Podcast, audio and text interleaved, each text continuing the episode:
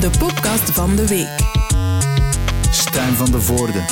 Welkom bij de podcast van de week. En dat zeg ik tegen jullie, of tegen jou, de luisteraar, maar dus ook tegen Brent. Dag Brent. Yo. Dag Joris. Yo. Dag Thibaut. Dag Stijn. Thibaut, je bent nog steeds de legendarische frontman van Equal Idiots.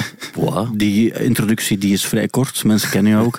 Maar jullie kennen ze ook uiteraard, maar jullie zijn een beetje nieuwer in de podcast. Vandaar welkom, ga ik, ga ik het opnieuw zeggen, welkom Brent en welkom Joris van Steek. Yo. Ik moet vandaag vertellen dat er vandaag platen uitkomen van Björk, Craig David, Joss Stone, Kid Cudi, MIA, Melody's Echo Chamber, die brengt opnieuw een album uit en de Yeahs. Maar het echte muzieknieuws, en daar dient deze podcast toch voor, is muzieknieuws van deze week eh, bekijken, is dat eh, er ook een album uitkomt getiteld Love, Death and Decay.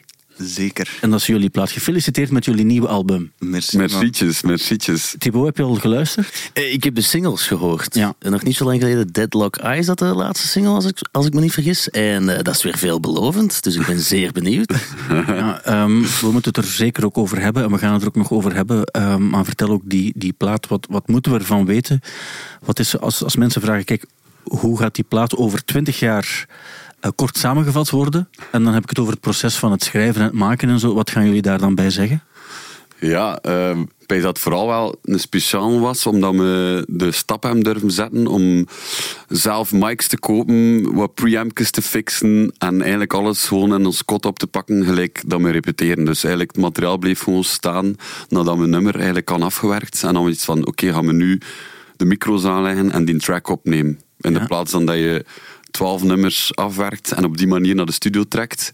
En met eigenlijk een beetje per projectje gedaan. Per twee nummers of per nummer, een beetje op het gevoel. En dat, dat heeft ons wel heel veel vrijheid gegeven. En dat gaf er wel zo'n vrij DIY-gevoel aan, dat, dat we eigenlijk als band vrij van genoten hebben ook. Ja, Dus- is tot aan de mixing is alles volledig door onszelf gedaan in ons repetitiekot. Op cheap, Focusrite preamps. En, en ja, de max dat proces. Ja. En ook zo met de headphone aan de computer. Dus Joris zat te drummen naast ons. Dat is niet dat we een, een apart opnameruimte hadden of zo. Dus het was, het was, eh, het was eigenlijk vrij gezellig ook. Ja. Mega veel koffie gedronken. Is dat jullie ding? Want ik vroeg wat, wat willen jullie drinken. En cafeïne was belangrijk wel ook. Dat er iets van cafeïne binnen, binnen kon gespeeld worden. Het is dat, wel, het lukt nu wel met dat kokatje hier, maar een koffietje nodig. En Ja. ook, eh, ehm, We, we kunnen er nog veel, nog veel bijkappen, eh, uiteraard ook. Ja, er zijn al een, een paar nummers die mensen ook al kenden. En ehm, het goede is ook, als we naar jullie werk kijken, dat er ook altijd de linken te leggen vallen met de, actu, met de actualiteit. Er staat bijvoorbeeld een nummer ook op jullie plaat en de titel is Fuck My Anxiety. En waar gaat dat, nu, waar gaat dat nummer exact over? Maar het gaat natuurlijk wel duidelijk over, over angst, waar iedereen sowieso mee dealt op een of andere manier. En ehm, de insteek was toch wel een beetje om, om, om dat op een of andere manier een beetje aan te kaarten en, en daar ook te durven meer over te praten met elkaar, dat dat zoiets is van, oh, klapt we een keer wat meer met elkaar. En in mijn hoofd moet je ook gewoon genoeg dat bewust durven roepen van fuck dat hier. Ik ga nu niet bang zijn voor dat dingetje of voor een bepaalde sollicitatie te doen of voor een of andere kans dat je eigenlijk op een plateautje soms voorgeschoteld krijgt. Dat je iets zegt van shit, ik heb dat nu like, niet durven doen of niet juist reageert door bepaalde angsten. En net, net om, om, om af en toe een keer fuck you te zeggen tegen bepaalde, bepaalde angstjes, kun je misschien dan ook wel net iets beter omvatten over wat dat ze gaan. En zo leer je misschien ook wat beter eh, kennen wat dat er allemaal speelt in je kop kunnen. Zo. En, en, ja, is- Er, er wordt ook wel eens gezegd dat er eh, in diepe West-Vlaanderen, zeker omgeving van Wevelgem, minder makkelijk gepraat wordt over gevoelens. Net zoals dat in het noorden van Engeland ook zo is, dat je in Liverpool en Manchester ga je ook niet praten over waar je mentaal mee bezig bent. Klopt dat of, of is dat een vooroordeel dat niet helemaal ehm, correct is? Eh, ik weet niet of dat... Ja, het zal waarschijnlijk wel kloppen, maar eh, ik weet dat iedereen daar last van heeft. Iedereen is angstig voor... Allee, het maakt niet uit, al is het voor een hond of is het voor om, om met iemand te praten waar je, ja, waar je angstig bij voelt of om, om, om, je- om je mening uit te drukken.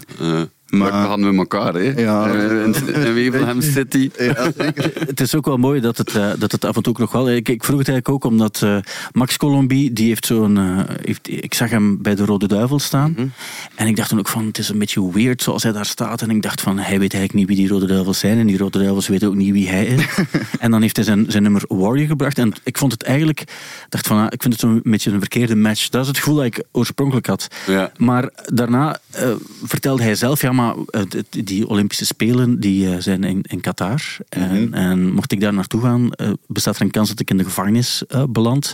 Omwille van LGBTQ-problemen die daar, die daar ook wel bestaan. En hij wilde het ook eigenlijk hebben over die angstaanvallen waar hij zelf mee zat. Ja. Hij zei van, soms werd ik bang van veren van een dode duif die, die, voor, die voor mijn deur lagen.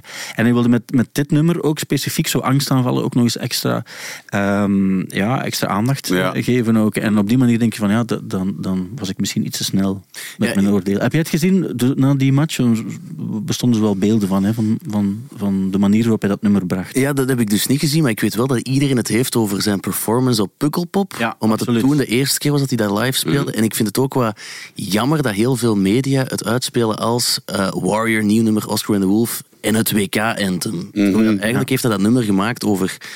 eh, of ja, hij had het al geschreven, dan een, mindere periode gehad. Dan kreeg dat nummer een nieuwe betekenis. En het is eigenlijk door die nieuwe betekenis dat de eh, voetbalbond beslist heeft van... Ah, dit past ook wel Ja. bij het WK en, en de Rode Ja. Duivels. En daardoor krijgt dat zo'n nieuwe betekenis. Terwijl origineel was het wel iets anders dan het WK. En, Ja. dus, maar ik vind wel, het is een soort van trend dat mensen wel, of, of muzikanten zo meer over zo'n thema's durven zingen of zo. Het is dat. De- ja, ik denk dat ook onze... Allee, het is niet onze taak, maar ik vind dat we wel een heel goed medium, of hoe dat het moet Ja, ja. noemen, zijn om, om het te brengen, om, het, om mensen een, een, allee, een luisterend oor, of ik niet. Ja, en of jullie dat nu willen of niet, jullie als muzikanten op een podium, ehm, dan denk je dat je toch een bepaald rolmodel kan zijn voor mensen, of iemand waar mensen ook naar opkijken. En dan heb je toch het gevoel, kijk, als zij zeggen dat het oké is om over zo'n dingen te praten, Mhm. waarom zou ik het ook niet doen?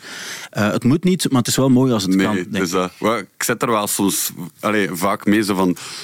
Ben ik nu verantwoordelijk? Moet ik nu meer, meer proberen allee, zo wat activistischer te zijn? En ik merk dat ook. Ik heb zo periodes in het jaar dat ik dat heel, heel zwaar en Dat, ik- dat ik daar energie voor heb om dat ook te voelen. Maar ik word dan ook vaak zo ongelukkiger daardoor. Als ik me daar te lang op focus. Dus dan laat ik alles wat meer los.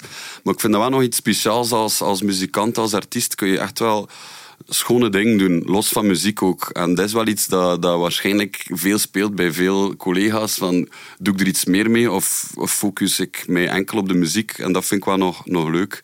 Maar in het voorbeeld van, eh, van Max vind ik dat like, juist wel nice dat dat, dat een keer volledig uit, uit de context getrokken wordt ook. Dat er zo dingen samengebracht worden dat like, niet matchen of zo, maar dat kan ook heel interessant zijn, want net net door die WK bereikt dat nummer allemaal andere mensen dat je n- dat nooit ging bereikt worden. Ja. En dat vind ik dan vrij interessant, dat je, like, dat, je, dat je op die manier iemand kan toucheren dat anders niet getoucheerd ging worden. En dus ik ben daar wel voor te vinden, van die absurde plekken, of dat wij zo'n raar boeking binnenkrijgen en je van, zullen we dat wel doen? Dan, het is dat moment dat je nieuwe zieltjes kunt winnen ook. Ja, ja, het is waar. Ik, ik, ik moet er ook nog aan denken. Jullie speelden deze zomer eh, speelden jullie op ehm, in Polen op een festival. Voor hoeveel mensen waren het? Wel, ehm bij dat dat toch rond tussen de 80 en de onder en 10 was of zo.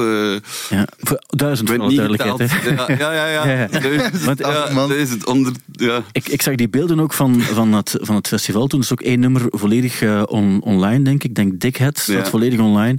En die beelden van, van, van... Dat was onwaarschijnlijk. Het leek ook alsof je naar de Rolling Stones aan het kijken was in 1969 voor- in San Francisco op, een gigantische wei.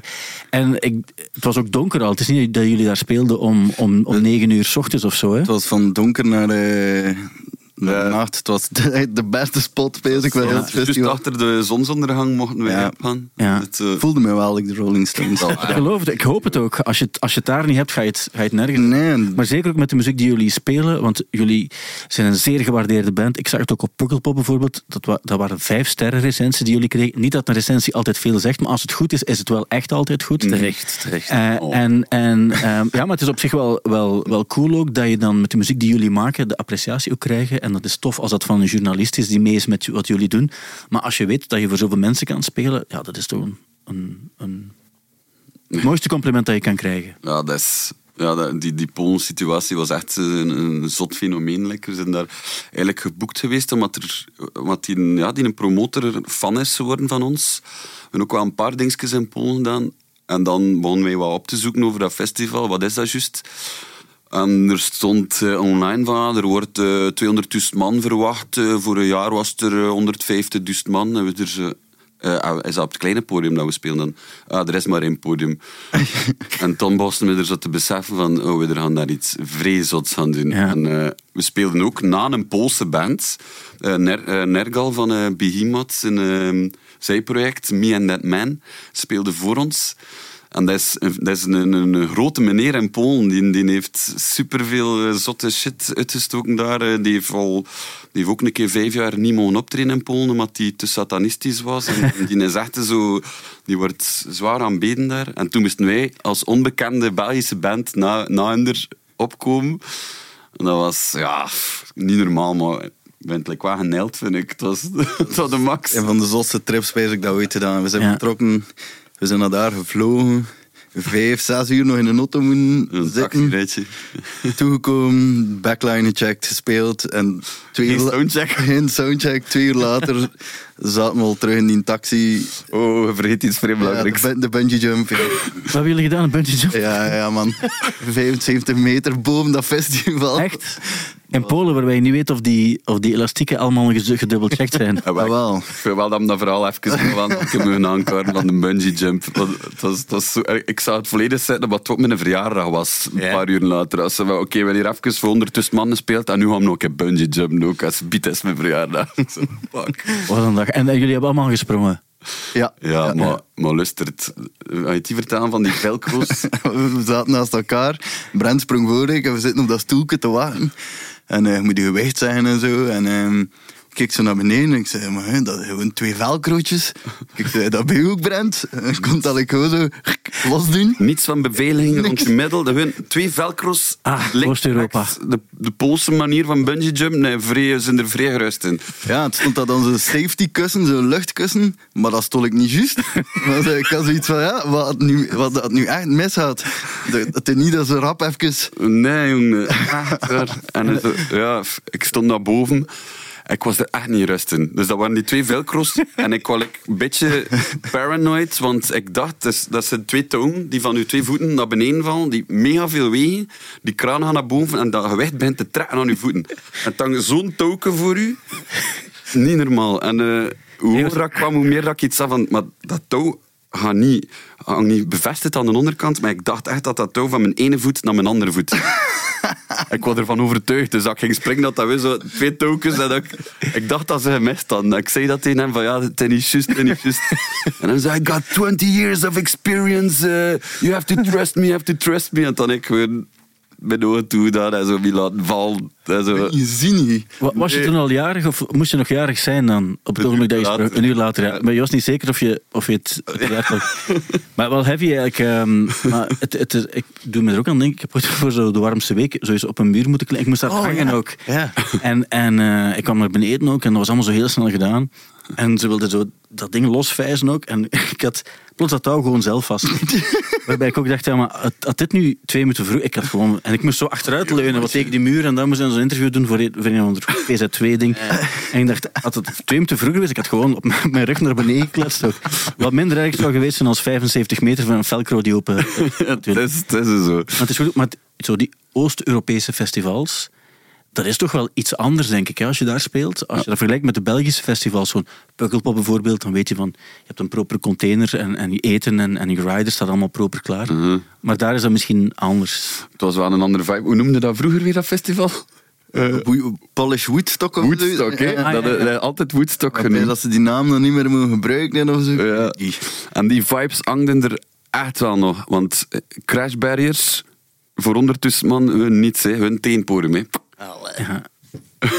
Ik zeg ook dat het, het grootste, het grootste gratis festival eh, ter wereld is of zoiets. Of toch minstens van Europa. Ja, maar die, die dat dat organiseert, weet je nog zijn naam?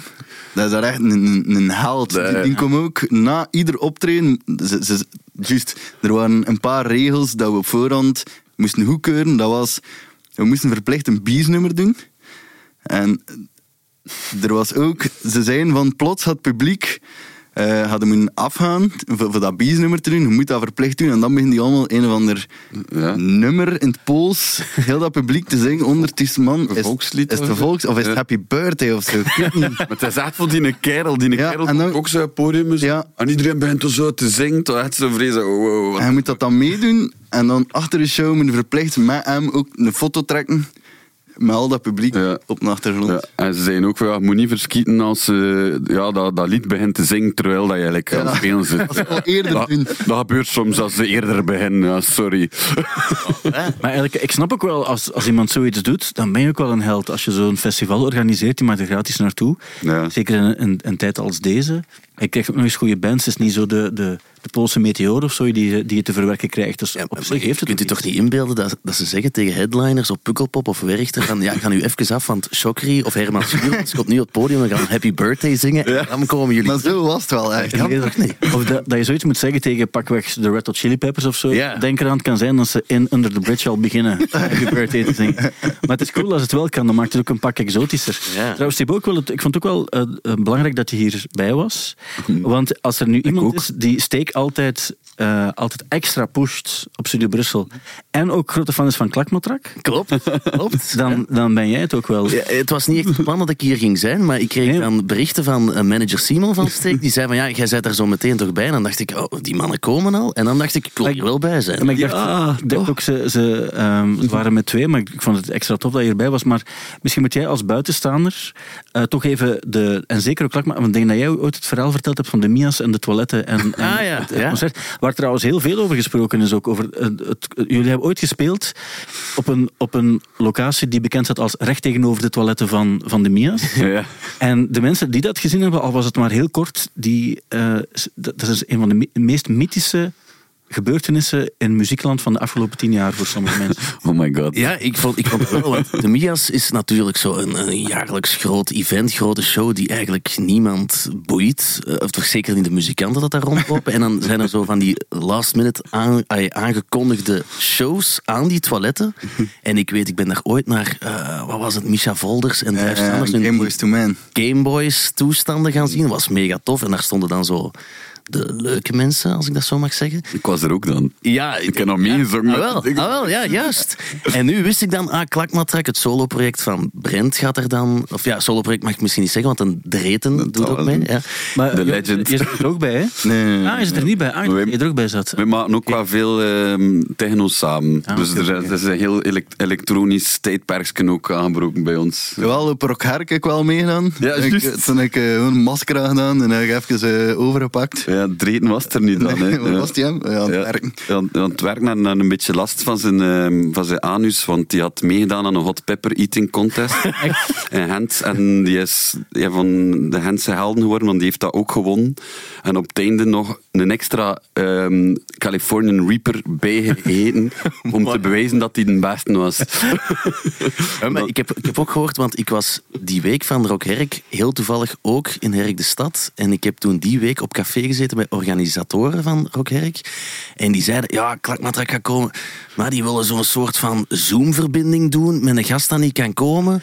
Maar ja, die weten dan niet dat er latency op zit precies. Want ja, dat gaat nooit gaan. Hè. Ja, we zitten met de handen in het haar van hoe gaan we deze moeten regelen. Speel geen rol latency in ons Maar ik wil maar zeggen, op, op de Mia's was het dan klakmatrak en er was een soort van smoormachine, waardoor dat je niemand kon zien die op 20 centimeter van je gezicht verwijderd stond. Maar dat was, ik had ook geen oordoppen bij of niks en dat was de beste experience van die avond.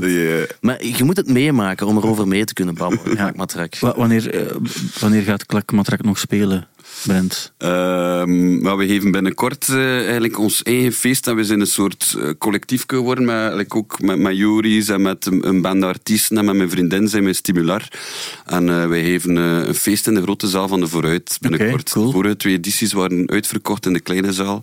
En dan sluiten wij af om vijf uur kwart s ochtends spelen wij dan de show. En daarvoor speelt KRTM nog ook. En Killborn en Trip. Dus zo wat befaamde namen in de scene ook. Dus het wordt wel, het wordt wel echt de max. Fijn. Ja. Maar je hebt, je hebt met Klakmatrak ook na jullie steekset op Pukkelpop hebben jullie daar toch ook op dat zo die playground Klopt, gespeeld? Dat was, dat, dat was een mega show, knal met steek. En dan zo, oké, okay. ben nu een half nog, nog een show. oké, okay, hoe gaan we dat doen? Um, ja, shotjes. ik heb daar beelden van gezien, het zag er goed uit. Ik was er niet bij, jammer. Um, ja, wat ook, um, want om de muzikale actualiteit er ook nog even bij te betrekken, jullie hebben in Polen gespeeld. Weet je wie dat niet meer mag? Niet dat het belangrijk is als je het niet weet. Uh, maar het was wel even in de, in, in de aandacht. Ja, dat wel gehoord. Uh, ja, Roger Waters. Huh? Die heeft um, van Pink Floyd, die trouwens ook, als je luistert op vrijdag, je kan tickets kopen voor zijn concert. Zijn allerlaatste concerten in mei speelt hij in Sportpaleis. En speelde al die Pink Floyd nummers uiteraard ook. Maar um, hij heeft de, een, uh, een mailtje gekregen vanuit Polen om te zeggen, je bent hier niet meer welkom om te komen spelen. En de reden is, hij heeft een, uh, een brief geschreven aan de vrouw van uh, Zelensky, de, de, de president van Oekraïne, om te zeggen van kijk, het zijn niet alleen de Russen die voor de oorlog gezorgd hebben, maar ook de Oekraïnse extreme national, nationalisten. En toen hebben ze in Polen gezegd van we gaan, um, we gaan het hierbij houden. Okay. Maar ergens dacht ik wel, want die Roger Waters dat is wel een kerel die heel principieel is. Die gaat ook nooit meer in Israël spelen, omdat hij zegt van kijk, dit is een land waar de Palestijnen als tweedehands, uh, tweede, uh, tweederangsburgers worden behandeld. Mm -hmm. um, ik kan daar niet achter staan. Hij heeft, heeft heel sterke principes. En uh, hij gaat ook bepaalde dingen niet doen. Ze mogen hem zoveel geld geven als, als ze willen. Dat is, het, dat is zijn principe. Ja. Hij heeft makkelijk spreken, want hij mm -hmm. moet het niet meer doen voor het geld, neem ik aan. Maar zo heel principiële muzikanten, dat bestaat ook nog wel. Hebben jullie ook zo, vast wel principes hebben. Maar zijn er dingen waar jullie ook op letten van kijk, dit gaan we echt niet doen en dit, dit dan misschien wel weer? Dus um, maar een, een, een, moeilijkere vraag. We zijn altijd wel blij om te gaan spelen sowieso. En dus we zitten ook zo op het niveau dat je het zegt van oké, okay, ik vind wel dat we de, de coole dingen sowieso moeten pakken. Dat natuurlijk, allee, en, en, en dat opzicht, buitenlandse verhalen kosten ook vaak geld. Dus op, op, en op dat vlak moeten we zeker een beetje opletten. Mhm. Mm -hmm. Maar ik vind dat wel heel inspirerend om te zien van grotere artiesten die heel principieel zijn op sommige vlakken. Dat, ik vind dat heel belangrijk dat die mensen dat doen, omdat er heel veel over gepraat wordt dan. En als je zo groot zit, kun je dat ook gewoon maken om land te skippen. En, en allee, financieel maakt dat niet uit voor die man.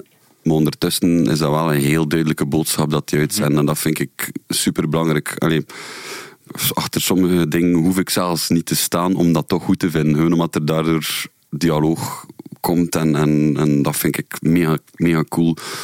Um, en waarschijnlijk gaan wij dat ook wel ooit doen, als we Ja. zo groot zijn. Ja. Je komt maar in de buurt als je bijvoorbeeld 150.000 mensen in Polen Dus speelt, dan begin je op het, eh, op het niveau te komen natuurlijk. Van, eh, Kom niet meer. Thibaut, heb jij principes eigenlijk? Dat vroeg ik me ook af. Is dit een strikvraag? In principe wel. Heel in principe wel. Uh, ik heb principes, maar om op dezelfde vraag te antwoorden, ik zou ja, niet meteen een duidelijk antwoord. Nee, maar ik weet dat er... Stel je voor, je wordt gevraagd om op het, op het, uh, het jaarfeest van een bepaalde politieke partij te spelen. Ja, dat is nu toevallig. We hebben echt pas zo'n vraag gekregen. Hè, echt? Wist je dat? Nee. Misschien wel, misschien niet. Heb ik dat gezegd? Nee, je hebt niet gezegd, maar je hebt het nu wel gezegd. Ja, het, het was zoiets, een, een jaarlijks feest van een politieke partij. En ik heb toen gezegd van ja, liever niet, want ik wil dat voor geen enkele politieke partij doen. Ja. Nee, dat is niet, ik wil daar zo heel neutraal in zijn. Dus ik vind dat zo wat vreemd dat we dan plots op zo'n receptie met allemaal mensen in kostuum zo proberen de punkshow te spelen. Ja. ja, dat zijn zo de dingen dat ik denk van misschien, misschien, niet voor ons. Nee. Nee. kan ook wel vrij funny worden in zo'n ding. Dus zo, Dat dan toch, toch, Toch. toch doet, zoiets dat totaal... meer gelinkt worden. Nee, nee, nee, te dat is dat. Nee, Ik weet het bij de Strangers bijvoorbeeld. Die hebben een paar loesje uh, feesten gespeeld ooit. Zo Vlaams Ja? Belang. eh, toen. Ja. Waarschijnlijk per ongeluk. Wel, ja, die, die mannen gaan niet, niet noodzakelijk altijd gekeken hebben waar ze, als ze mochten spelen, gingen ze het ook wel doen, denk ik. Maar ik, het was nu, Colio is gestorven, de rapper van Gangsta's Paradise. en I See You When You Get There. Mhm. En ik zag ook, ik was dus door zijn bio aan het gaan van wat heeft die mens gedaan, behalve Gangsta's Paradise. En dan kom je dingen tegen zoals, hij was erbij op The Night of the Proms in Ja. 2000 bijvoorbeeld. Mhm. Eh, heeft met Insane Clown Posse ooit opgetreden en heeft dan ook een, een tattoo laten zetten om de fans van, van Insane Clown Posse, de Juggalos, die zich ook als clown verkleden, heeft een tattoo laten zetten en er stond een schrijffout in. Bewust omdat hij ook weet dat die fans niet van de slimste zijn, heeft hij gezegd. Maar wat ik ook wel zag, is dat hij ooit spokesperson was van de, van de Asthma and Allergy Foundation of America. Omdat hij zelf ook astma had en zijn kinderen ook. Dat heeft hij dan ook gedaan. Zotte meneer. Hij was ooit de running mate van een of andere porno-actrice. die opkwam in de, in de, eh, in de verkiezingen, ehm, democratische verkiezingen. En heeft hij ook nog eh, zich ingezet voor, wat was het, eh, van die ehm, climate change. Daar was hij ook ooit. Dus, dat, dus eigenlijk, als je hem vroeg, deed hij het. En dat is misschien ook gevaarlijk. Als van die mensen die Ja. op alles ja zeggen, dan eh, geloof je hen in geen enkel goed doel dat ze steunen. Ja, ik, ik kan het niet met 100% zekerheid zeggen, maar hij heeft twee maanden geleden ook in Oostkamp nog opgetreden op Parkpop. En dat is blijkbaar wel speciaal, omdat dat een gratis festival is. En daarnaast stonden nog DJ's zoals Sven Ornelis te draaien. Dus het was wat vreemde line-up.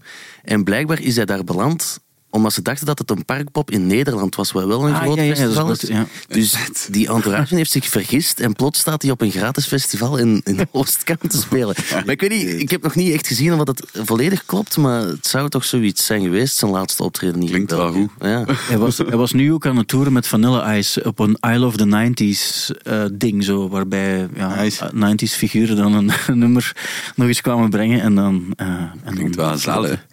Maar ik weet het niet ja, of je het echt zou willen doen, maar hij heeft wel hij heeft ook een, een kookboek gemaakt bijvoorbeeld. Eh, Mooi. en eh dat was alles gefrituurd. Alles. En het eh, web, webserie bij ook. eh, die Cooking with Coolio. Je kan het op YouTube ook nog vinden. Ik ben wel fan van zijn principes. eh. Wel, dus, we gaan, hij noemde zichzelf de, de, de, ja, het was een ghetto kitchen, dat was het principe. Het was eigenlijk gewoon echt zoals het, hij, hij- hij is in Compton opgegroeid. En dat merk je ook, want je zag heel veel figuren zoals bijvoorbeeld eh, Snoop Dogg en, en Dr. Dre en, en Ice Cube en zo, die gereageerd hebben om te zeggen rest in En die peace, frituren alles hinter. Alles, ja, dat is misschien een beetje een cliché, maar in zijn boek zei het ook van en nu, en dan had hij van alles klaargemaakt, en nu, nu gooi je het in de Ja. frituur. Zo Weer, in het vet. Ik ben zo vrij aan het twijfelen van een frietpot te kopen. Ik, zo. Het is, Echt, ah, niemand koopt nog. Dat, onlangs had ik het erover, want Ja. niemand koopt nog eh, een frietpot omdat mensen zeggen we gaan wel naar de frituur of we dat. doen een airfryer. Maar dat is niet hetzelfde. Nee. Fryer, no, no, no, no. no. Ik, ik heb een airfryer staan, maar ik heb meer, mijn nicht is bij mij komen. Ik heb deze week de airfryer uitgetest. Wel, En? ik wil- Was het Mijn kaaskroketten zijn heel ontploft. Ah, wel, maar ik nu- heb Ik niet. heb niet. het, is goed, het is goed dat je het, dat je het opmerkt en daar dient de podcast trouwens ook voor. Maar ehm, onlangs deed er iemand een controversiële uitspraak en werd onmiddellijk afgestraft en kwamen opmerkingen als van sorry, maar wat jij zegt is niet meer van deze tijd enzovoort ook. Maar hij zei toen van sorry, ik denk niet dat er ooit al eens een man een airfryer heeft gekocht. En ik snap ook wel dat we de clichés een beetje weg moeten houden, maar ik ken ook oprecht geen enkele... Wie zei dat? Ja, ik kan nu geen namen noemen, maar er was, er was iemand die die, die die opmerking maakte en werd teruggefloten en, en seksistisch en allemaal terecht. eh, niet, ik, ik, niet, ik ken nu ook wel een man die een airfryer heeft gekocht. Dat is de bompa van mijn lief. Ja. En die maakt er dan van die mini-lumpia's in. Oké, maar voilà. prima, prima voor alle duidelijkheid. Ja, prima. Dat van ook wel. Maar een kaaskroket, we hebben hier trouwens ooit, ten tijde van de ochtendshow, hebben eh, er ooit een gekregen, een airfryer. En we hebben toen van die kaasballetjes aan het klaarmaken geweest en die liepen allemaal uit. Ja. Misschien was het ook niet goed gedaan door ons, dat kan ook wel. Maar Er is, er is één detail dat je moet mee rekening houden. Niet alles kun je erin steken. Dus dat heb ik geleerd. Want ik heb ook kroketjes gemaakt. En de die waren wel gelukt. Omdat die speciaal voor de airfryer zijn. Dus dat is, dat is heel belangrijk. Je kunt er niet zomaar gelijk welke kaasbolletjes in leggen. Maar het is wel zo, als je gaat toeren bijvoorbeeld, en je zit op een bus en je hebt toevallig een stopcontact, Ja. als, dat, als dat zo zou zijn, dan kan je wel zoiets meenemen zonder, want een frituur op een, op een bus, dat lijkt mij levensgevaarlijk Ja, ja. en zeer onverantwoord, maar een airfryer lijkt me nog wel te doen. Er zat toen nog een diepvriezerke van achter ook. Maar is het. de nette frietketel is dan wel spannender, vind ik, op de bus. Ah, wel, dat is spannender ook, maar het is ook, er is toch een of andere film waarin, waarin dat ook effectief gebeurt. Eh, Anchorman. In de, film, in de film Anchorman is er zo'n bus en hij is dan effectief met een frituur bezig. Maar dat is, En waar steken die ontdooide frikandellen? Toen dat vraag ik me vooral af. Ja, hun trekt batten, hè. Direct. Ja, hun start. Maar een beetje, een beetje ransoneren, hè. Ja, ja. Wat hangt eraf hoe lang je op tour bent en of je nog veel passeert natuurlijk. Maar op zich is het wel wel een eh, interessant onderwerp voor bands om, om, om eens diep over na te denken. Van op welke manier op, kunnen, kunnen we het hier nog, uh, nog wat spannender maken. Well, let's Ja. think about it. Ja. Ik zie ook nog trouwens op jullie lijst dat jullie nog veel gaan spelen, ook in, eh, in Engeland. Ik zie hier Londen, Bristol, Manchester, Glasgow. En dan ook nog Namen, Luik, Kortrijk ook. Oh god, oh god. En dan Waregem, Antwerpen, Trix. Dat is jullie laatste voorlopig voor dit jaar, zie ik. Trix Antwerpen, 17, Eh, 17 december.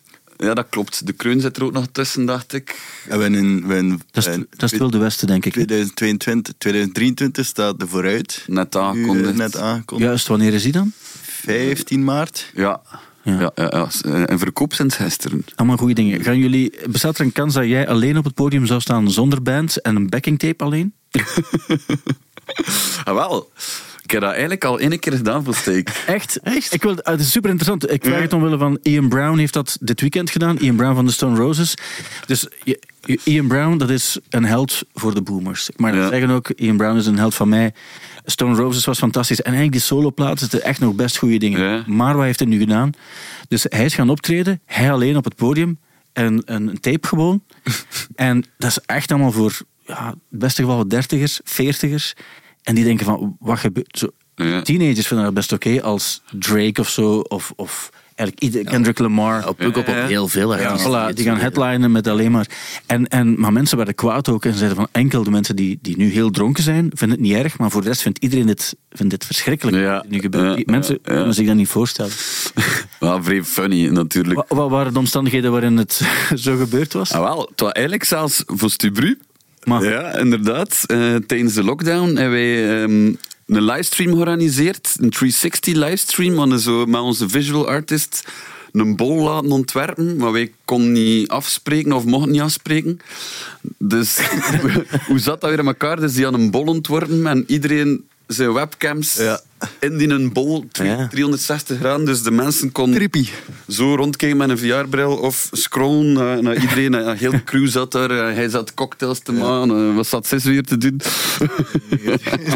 Tortillas aan baan of zo, ik weet niet. Het was vrij, vrij grappig. Iedereen, het was like, vrij gezellig. En, ehm, en ik had afgesproken met, met Django, mijn, mijn, mijn pluszoontje, van wij gaan optreden op Studio Brussel. En eh, ik heb dan de instrumentals van Steak eh, opgevraagd bij de studio.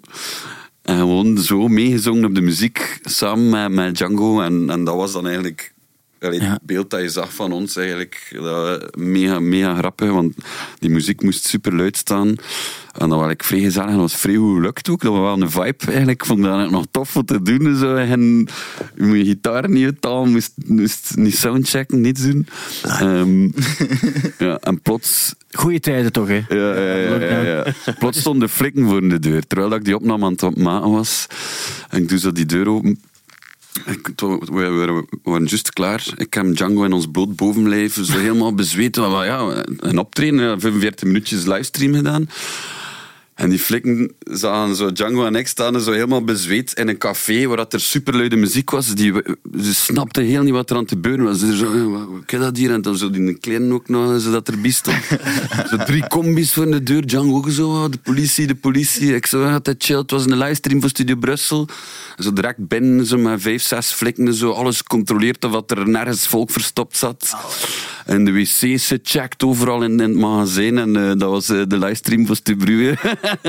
Eh, maar toch eh, niet in een bak gevlogen. Dat hadden we willen zien op die livestream, uiteraard. eh, ja. Los, los van de rest ook, uiteraard.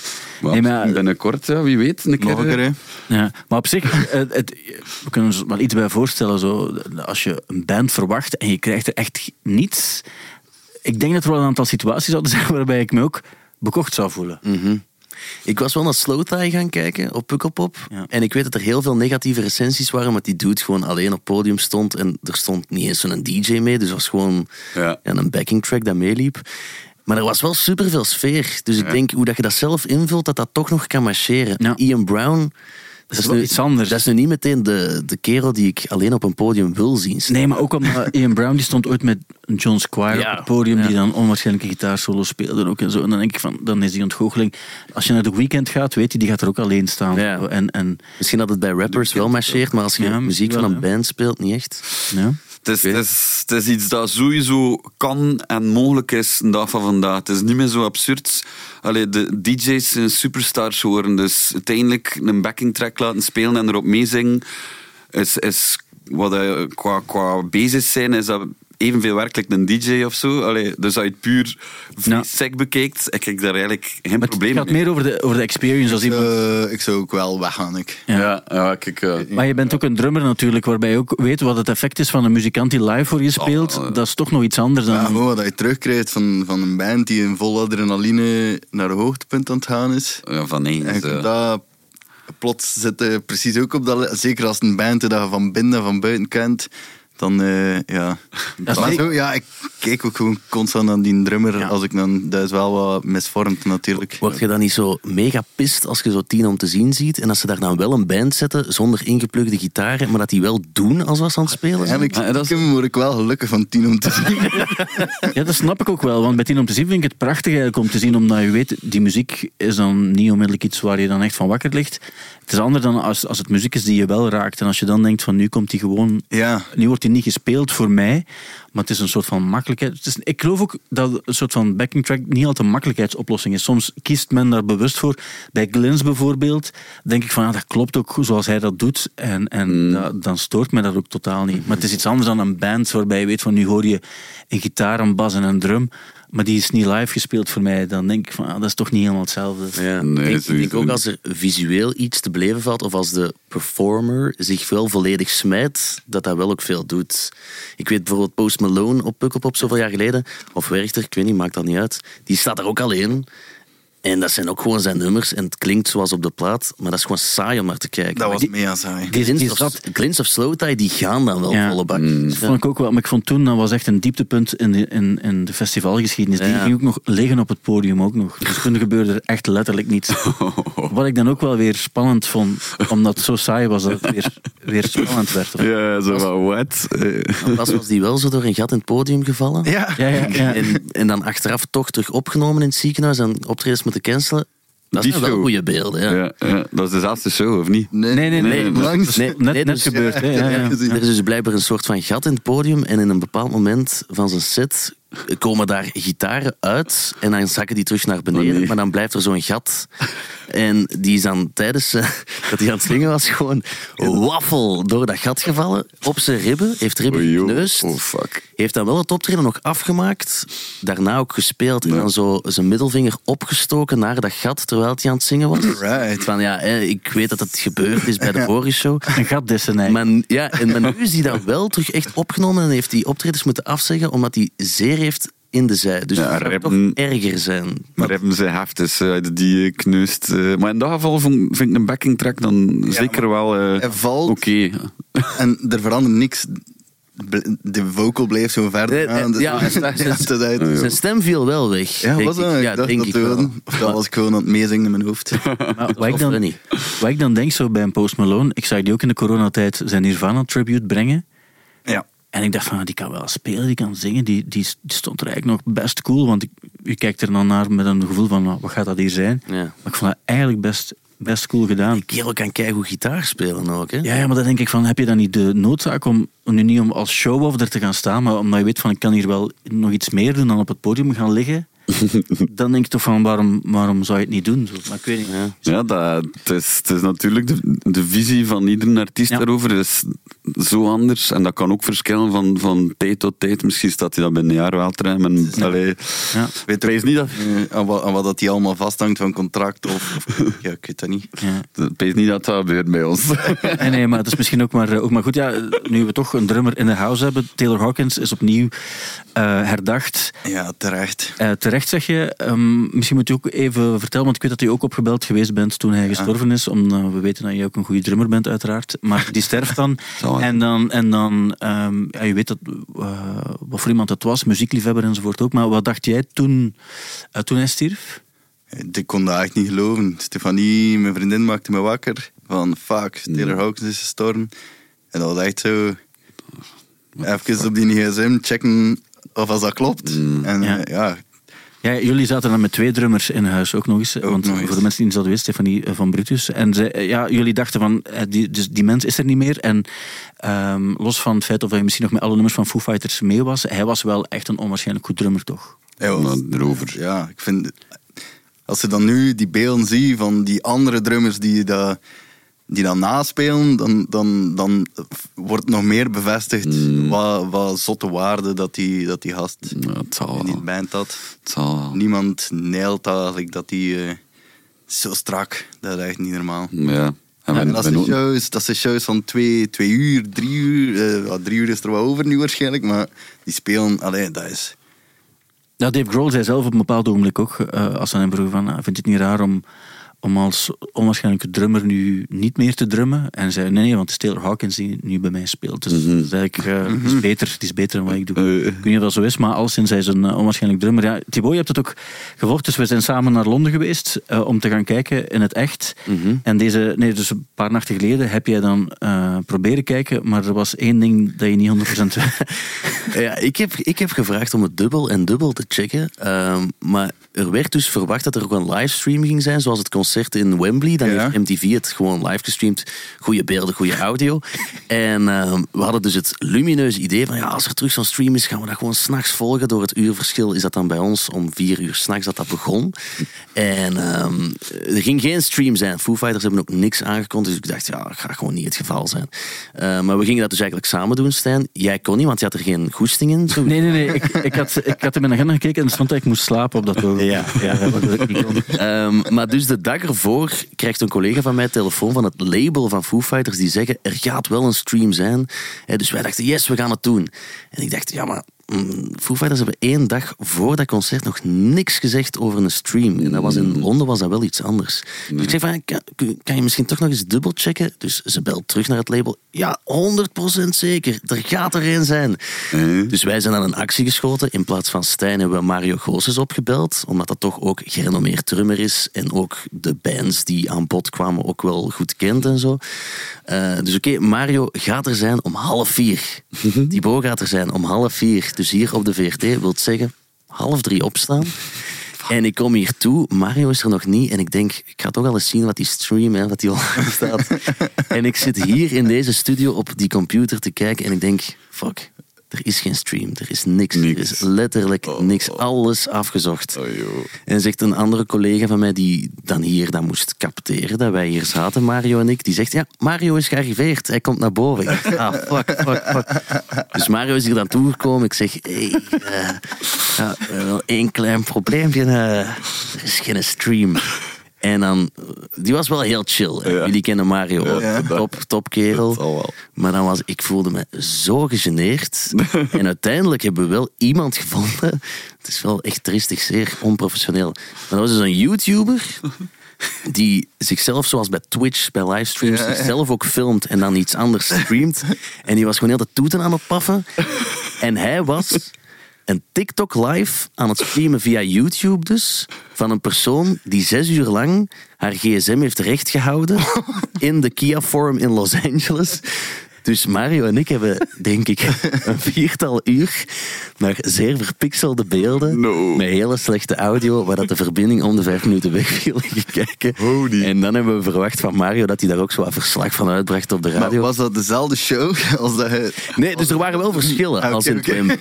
De- Maar al bij al hebben we wel op een gezellige manier muziekgeschiedenis meegemaakt. Het was wel in minder goede omstandigheden. Wow. En het eerste wat ik dacht, want ik, ik, ik hoorde het 's ochtends als ik wakker werd, dat je het verhaal vertelde met Mario erbij. Van, en ik- of je een kerel die ook nog zo stoned is al zit en dan maar half ook we- weergeeft wat er eigenlijk weer te geven valt. Het goede was ook, die kerel die aan het streamen was, wist totaal niet waar het over ging. Dus dat is blijkbaar een kerel die ehm, zijn job is, denk ik dan, om optredens waarvan je niks ziet live, om dat toch te streamen, zodat mensen die er niet bij kunnen zijn, dat toch kunnen volgen. En dus Damn Crooked Vultures was bezig, de band met Dave Grohl en Josh Homme, en die speelde dan drie nummers. En hij had dan ook zo de line-up voor zich liggen. En Damn Crooked Vultures heeft twee nummers gespeeld. En de bassist van Led Zeppelin, John Paul Jones, speelt daarin mee. En plots hoor ik die, die gast zeggen... Oh, guys, hold it up, man. John Paul Jones is coming up. It's gonna be legendary, man. en die dude stond zo al twee nummers mee te spelen. En denk van, oh, fuck, fuck. Oh, mate. Het, het erge vond ik toen ik het eh, hoorde om kwart over zeven, want ik was wel degelijk vroeg wakker. Ja. En eh, ik hoorde dan, dan dat je het aan het vertellen was. En toen dacht ik van, die Mario is ook opgestaan om hier vroeg te zijn. maar een van de, de dieptepunten in mijn, in mijn geschiedenis op Studio Brussel was toen ik Mario uitgenodigd voor de, voor de podcast om te komen vertellen. En ik kreeg ineens telefoon de dag ervoor eh, van, eh, ja, Mario is toegekomen. Maar ik was thuis, want het was ook in de, in de corona. Oh, nee. Ik was thuis. Ik dacht, oeh, Mario is toegekomen. Ja, en het was mijn fout geweest. Ik had een verkeerde datum. Ik had hem woensdag. Het is altijd op donderdag, maar ik kon Mario niet weten uiteraard. Fuck. Ik had het dan via, via de manager doorgegeven. En ik, en ik keek van, nee, nee, ik heb toch donderdag doorgegeven? Wacht, ga kijken. Het is mijn fout. Ik heb het, ik heb het verkeerd. Het was echt volledig mijn fout. Oh nee. En ik bel naar Mario ook. Dan, en ik zei van, ah, sorry, maar het is een verkeerde dag. En, en Mario dus onmiddellijk... Normaal, ik zou denken van, hij is gewoon ook niet cool, want die, die, die rijdt echt van, Ja. van echt een eind. En ze, maar dat is niet erg, dat is niet erg. ik, ik- maar ik zeg, ja, ik vond dat wel heel erg. Hè. En, en zwart, dus we, we, eh, ik excuseer me duizend keer. En, en, dan, en dan vroeg ik van, ja, zie je het zitten om nog eens te komen? Tuurlijk. tuurlijk. en dan denk ik van, ja, dat is zo bij, bij zo een, een Mario, die, dat is zo iemand die is te vriendelijk om waar te zijn eigenlijk. Hij heeft ook nog een plaat van jullie geproduceerd, hè? toch? Klopt, klopt. Ook nog, juist, ja. Zalige vibe, ja, Ja. die naast. Dat was zo, ik weet nog, de eerste keer dat hij eh, binnenkwam bij ons, was, was in een sessie dat we eigenlijk zo een studio hadden afgehuurd, gewoon om te spelen en een keer te viben. En zo binnen de tien minuten liet hij hem zo'n dikke scheten zijn. Eh, en toen had ik iets van, oké, met, hem, met hem gaan we een plaat uitpakken. Let's do it. Ja, soms heb je die klik nodig. Ja, dat, dat, dat was direct een vibe. En Neil Young die, eh, is kwaad. En dat vond ik ook een interessant. Het ging over principes, hè, en los van, los van eh, scheetlaten en zo. Maar dus Neil Young is kwaad op Beck. Want Beck heeft Old Man van hem gecoverd. En zijn cover is dan gebruikt in een van de spots van de NFL. En eh, Neil Young is altijd tegen, eh, tegen eh, het verschijnen in reclamespots geweest. Ja. Met, een- maar hij heeft wel de rechten op die nummers verkocht.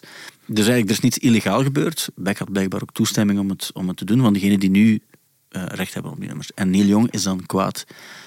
En dan dacht ik, ja, maar je kan toch niet zomaar je rechten verkopen en dan zeg ik wil er toch nog iets over te zeggen hebben, want dan moet je gewoon cool zijn en je rechten niet verkopen, waardoor je zelf altijd beslist wat er met je muziek gebeurt en niet. En toch eh, is hij nu een soort van held voor heel veel mensen die tegen reclame en zo anti-establishment, zo oldschool eh, figuren meer, denk ik. Dan, hoe, hoe, hoe is dat dan bij jullie? Ehm, zouden, zouden jullie zoiets ooit overwegen om, om rechten te verkopen? Want als je weet van ja, we kunnen daar wel iets deftig mee doen en, en een, wil een, een nieuwe auto kopen en een huis afbetalen, want dat snap ik ook wel. Maar dan mag je toch niet zeuren over wat er dan, dan als je het verkoopt, verkoop je het. Ja, natuurlijk. Ja, het is dat. Het is zo letterlijk uw muziek niet meer dan. Ja. Dus dat is mega eh, iets super emotioneels ook eigenlijk. Allee, dat is, dat, ja. Adoptie eigenlijk, een beetje zo. zoiets. Langs de andere kant kan mij ook niet zoveel bom, maar heeft die muziek gemaakt natuurlijk. Eh, dus, dus ja, in die zin. Maar dat begrijp ik ook sowieso wel. uw muziek, het, het, het bent gemaakt. Dus, Maar, dat begrijp, maar het gaat Ja. niet eens over, over eh, is het verkeerd. Want, want ik zou denken, als je een nummer maakt en je staat erachter, als het dan achteraf gebruikt in een film, of, in een film of in een serie of, of in een reclamespot, dan zou ik denken, maakt niet zo heel veel uit.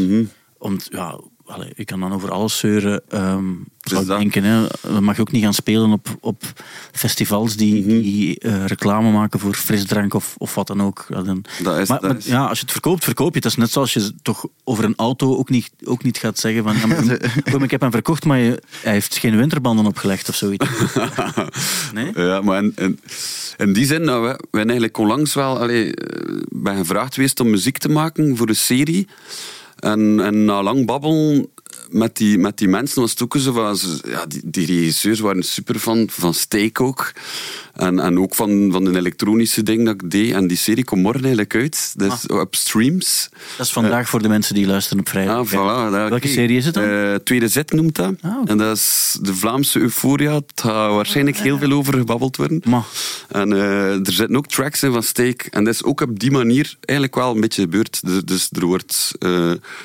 een bepaald bedrag afgesproken, waardoor dat je eigenlijk een beetje je rechten voor dat project afstaat. Dus in die zin, allee, dat, is, dat is nog iets anders van hetgeen dat jij nu zegt, maar ik vind dat wel nog interessant, want uiteindelijk is het ook een heel leuke kans dat je tracks in die serie komen, of, of bijvoorbeeld op een bepaalde reclamespot komen, like dat met Ravearts ook al gedaan heeft voor de VDAB.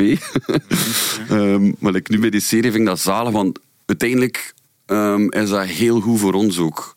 Maar als, als, als die producenten de volledige allee, rechten zouden moeten betalen, is dat onbetaalbaar ook. Dus, dus Ja. in, in die zin is dat een win-win voor, voor beide partijen, denk ik.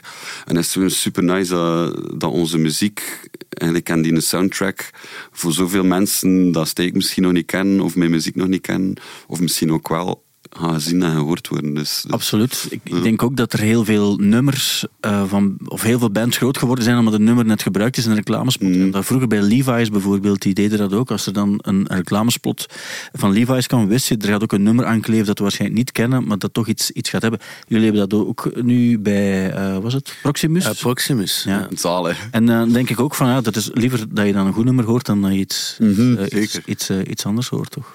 Ja, en ik denk ook voor bands, dat is een nummer dat op een normale, credibele manier gebruikt wordt voor iets. En dat is ook wel een handige zakcent dat je daarvoor krijgt. Dat moeten we niet onder stoelen of tafel steken. Nee, het is dat. dat is wel handig dat er zo'n dingen zijn. En dat is cool, want ik krijg soms meer berichten van mensen die naar tv aan het kijken zijn en ons nummer horen, dan dat ze naar een optreden komen of onze plaat kopen soms, denk ik dan. Maar ik denk bij veel Belgische artiesten bijvoorbeeld het, de reden van het succes van Hooverphonic bijvoorbeeld in landen als Italië en zo heeft ook te maken met een reclamespot. Mad About You zat, zat daarin en ik denk Eden en zo, die hebben eigenlijk bijna alles op die manier. Of die plaat van Moby, die Play heet die geloof ik. Dat is een plaat die niets deed. Ja. En plots heeft hij gezegd van gebruik het maar voor alle spots die, die er ge- gemaakt kunnen worden. En zo is die plots... Is het 10 echt? miljoen- omdat mensen ook die muziek leerden kennen op die manier. Zo, ja. Dat is Free to use. eh, Ja, het was niet free to use, er moest wel voor betaald worden, maar het mocht wel gebruikt worden. En die muziek die leende zich daar ook nu toevallig heel, goed- heel goed toe. Het is toch ook zo eh, Black Keys, waar dat we toen die Rock'n'Roll High School voor gemaakt hebben, die dat eigenlijk zijn doorgebroken doordat hun nummers gebruikt werden in zo'n auto eh, commercials. Was dat niet zoiets? Het zou kunnen eigenlijk. Dat die zo wel echt bij het hele grote publiek bekend zijn geraakt. Het zal wel. Dat kan maar helpen, hè. Allee. Ja. Van dat vrede Max met die VDAB dan we hadden met Raviard. Op dat moment had ik juist echt vrij veel miserie met de VDAB. Maar ons, onze track zat wel in de, in de commercial voor zo'n half jaar. En heb Dus, eh, niks kunnen regelen of zo? ik echt zoiets van gast, allee, ik wou dat ik echt aankaarten, maar ik durfde niet. Ik had zoiets van, hey, dat, dat liedje is van ons, eh, Maar, maar het is allemaal goed gekomen. Ah, ja. Wat, wel, wat wel een loesje is natuurlijk, je hebt bijvoorbeeld Bob Dylan, die vroeger dan ook heel eh anti-establishment was. En plots zit hij dan in reclamespots van Chrysler en zo. Ja. Na 2000 heeft hij eigenlijk alles ook verkocht en, en is hij ook voor het geld gegaan. Maar eh, ja, dat is ook niet zo heel begrip. Wat ik ook heel interessant vind is, dus Dimitri Vegas en Like Mike hebben een laatste twee sportpaleizen aangekondigd. Maar, dus het laatste ooit, ze zeggen dit is de laatste keer ooit in het sportpaleis. Dimi, Ik kan dat niet. Dimi en Mike, we gaan ervoor. dit is, ons, dit is ons, ons, ons afscheid aan het sportpaleis. Maar, zegt Dimitri Vegas erbij, zeg nooit nooit, misschien over een paar jaar kan het toch nog. Mate. Voilà. Dus we er nu al in dekken. Dus, eh, dus sowieso gaan ze het nog doen. En dan weet je, het gaat geen vijf jaar duren voordat die opnieuw in het sportpaleis staan. Dus dat wij hebben dat ook een keer gedaan. Hè. Wij, wij, we hadden gezegd dat we gingen stoppen. En, eh, Maar jullie hebben de naam veranderd. dan. dus dat. Ja. Maar iedereen, Branding is dat. Ja, dat, Ja. dat is echt door veel mensen eh, die dachten dat dat echt zo'n eh, een commerciële stunt was of zo. Wat dat wij op het moment eigenlijk s'avonds zo van ja, maar die twee vooruit waren like in, in West en zo in twee, uur- drie uur net verkocht. We zo, echt zo twee keer dus 200 man. Maar dat was, ja, dat was zo die naamsverandering. Ja. En er was ergens één artikel Het was in de morgen. waar hem de kop niet van aan kon checken voordat die Ah, uitkwam. Ja, die gebruikten een andere, een andere titel online dan, dan in de morgen zelf. Ja. Voor extra kliks te genereren. En dat artikel had ik mega viral gegaan, want er stond echt zo'n stake rate stop ermee of zo. Het was iets Ah, vrij ja. sick.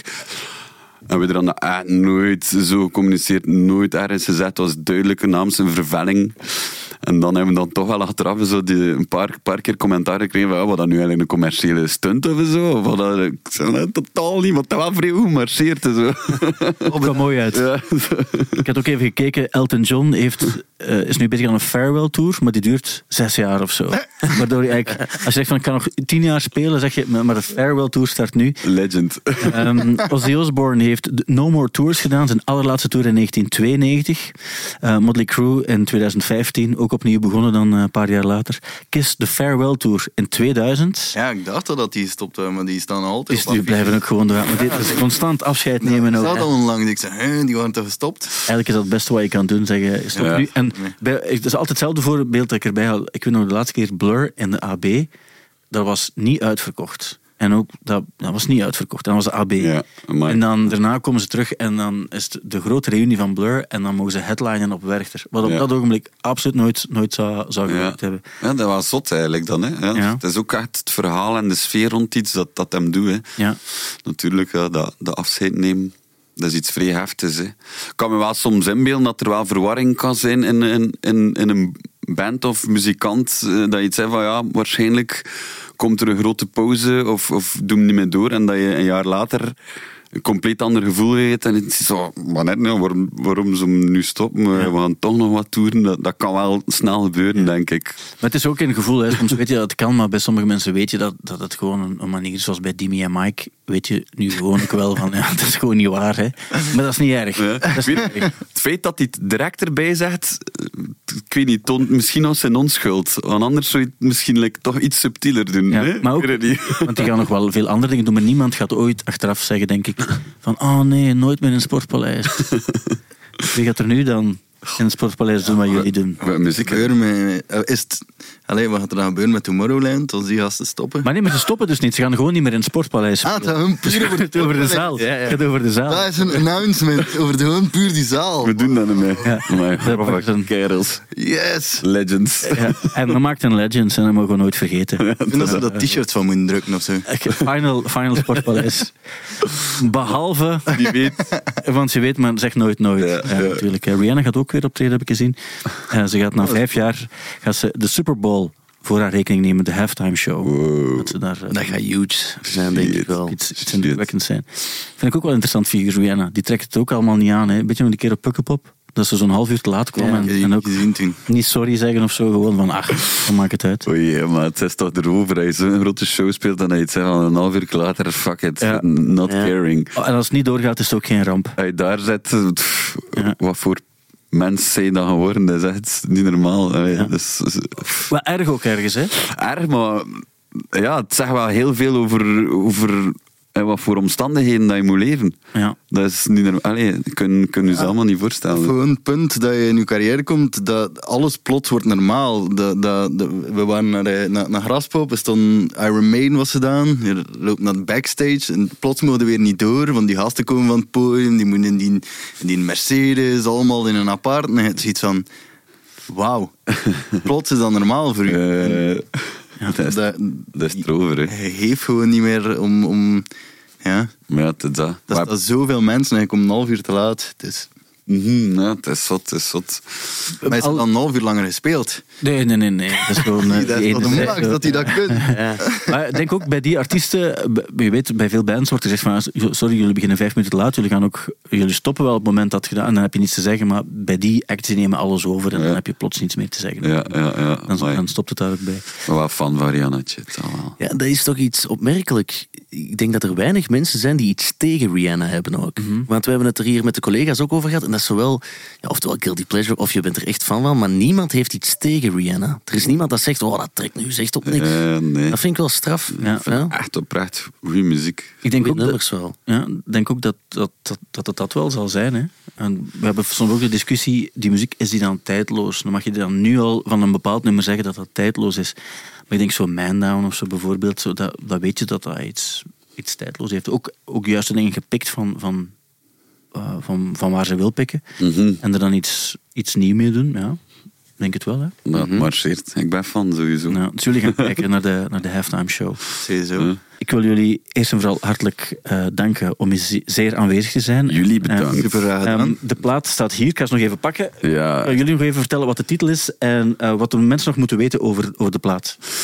Ja, Love, Death and Decay. Het, is, eh, het was, ja, breek het kot af. Eh, maar ehm, ja, nee, eigenlijk was de bedoeling voor ehm, een gelukkige feestplaat te schrijven. En het is helemaal mislukt. Het is een, een droeve, zware plaat geworden. Maar willen de mensen iets anders van jullie? Dat is de vraag natuurlijk. Dat is inderdaad de vraag. Dus, dus ja, het komt erop neer. Dat is hetgeen dat eruit gekomen is. En eh, doet deugd dat ze worden. Dit komt dit toch? Zeker, eindelijk. eindelijk. Hoe gedaan, maatje. Ik ben echt Ik ben trots, Happy. trots op Goed u gedaan. en op een band. Echt waar, fuck. Eh, ik- De drie nummers die we al konden horen, die hebben we gehoord. En die zijn zeer veelbelovend. En de rest kan je vanaf nu horen als je, als je de plaat gaat streamen. Macht, hè. Ehm, dus dankjewel om langs te komen. Succes met de plaat, succes met de, met de concerten. Ook met Kevin gaan jullie spelen. Ja, merci, merci, merci. Wat ook heel cool gaat zijn. En Ja. dan zien we jullie wel ergens in, ehm, in de buurt van Kortrijk, in de buurt van Gent en in de buurt van Antwerpen. Dat klopt, dat klopt. En er gaan er wel nog vele volgen, ook eh, hopelijk. Daar twijfelen we niet aan. Dankjewel om langs te komen in de podcast. Jij ook, Thibaut. Dankjewel om erbij te zijn. Ja, merci, het was zelf. Het was zelf. Ik ben blij dat je nog hebt meegedaan. Ik Echt, ben waar. blij dat ik met jullie mee mocht doen. Ja, jammer dat je die meeting mist hè, wel. Dus- Ja, hè. langer moeten Oh. Hè. Oh, oh, oh. Dus merci ook om te luisteren en tot volgende week. Ja, coffee time.